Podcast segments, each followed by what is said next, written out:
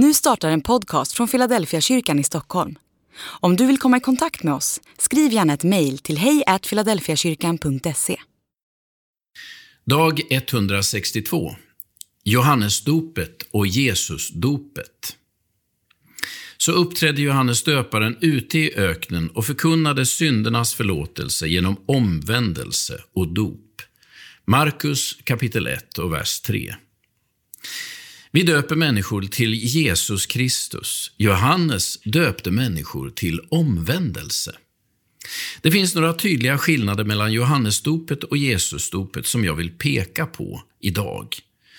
Johannesdopet satte fokus på vad människor skulle göra. Man skulle omvända sig.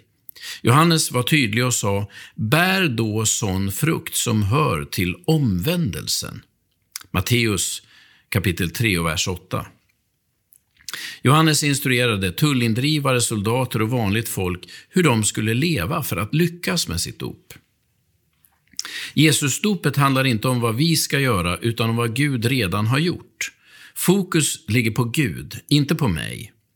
Ibland har vi talat om dopet så att det nästan har låtit som ett Johannesdop istället för ett Jesusdop.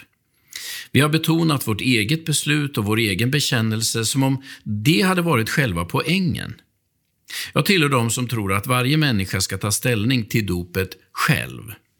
Det finns ingen automatik i dopet om jag inte överlåter mig till det Gud gör.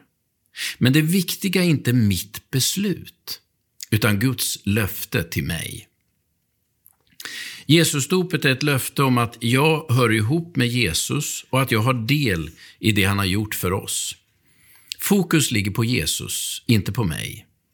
Johannesdopet däremot är en omvändelsehandling som förutsätter att jag bättrar mig. Idag vill jag uppmuntra dig att leva i ditt Jesusdop.